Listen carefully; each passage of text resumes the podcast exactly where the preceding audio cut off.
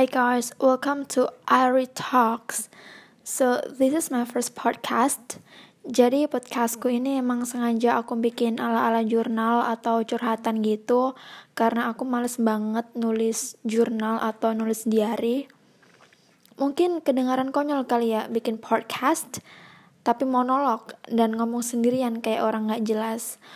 But honestly, I don't really have lots of friends, so I decided to make this podcast to share my thoughts and my ideas about something. Jadi kalau boring ya nggak usah didengerin. Nah di podcast kali ini aku bakal ngomongin soal the art of being alone. Kenapa aku ngomongin ini? Karena ini relates banget sama kehidupanku Um, jadi dari kecil aku emang sering banget menyendiri dan susah komunikasi sama banyak orang, even sama keluargaku sendiri.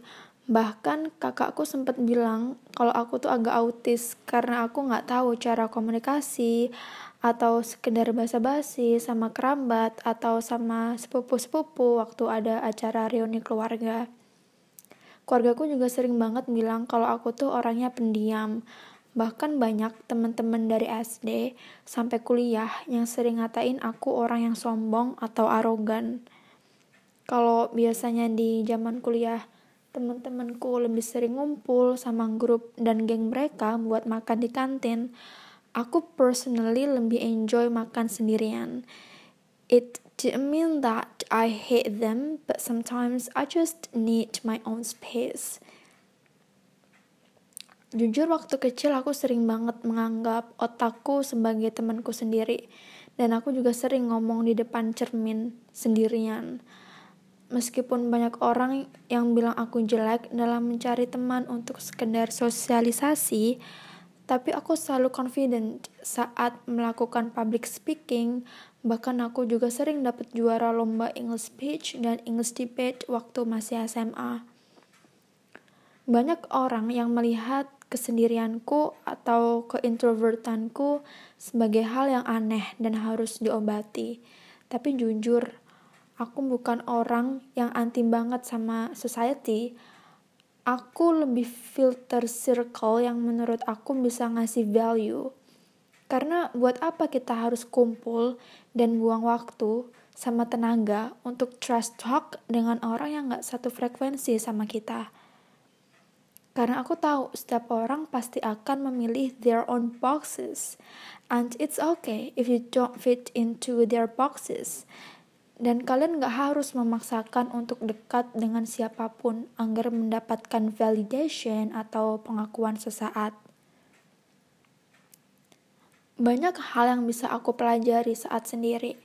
Contohnya, aku bisa mengenal diriku lebih dalam dan bisa menerima diriku apa adanya Because at the end of the day, yang tahu siapa diri kita sendiri adalah kita.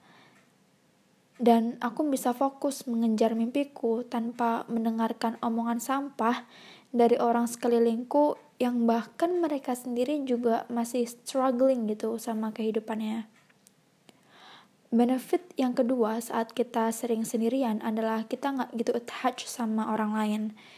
Jadi kalau ada temen yang tiba-tiba pergi ya bodo amat, Terus kalau ada pacar yang tiba-tiba pergi ya bodo amat. Karena sebenarnya aku sudah melatih diriku sendiri gimana rasanya bahagia tanpa kehadiran orang lain.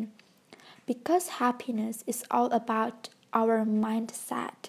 Jadi kebahagiaan itu semuanya diukur dari apa yang kita pikirkan. Mungkin karena aku dari kecil sering pindah kota dan rumah, jadi aku sering kehilangan teman. So, making friends and losing them is very ordinary, hal yang sangat biasa banget.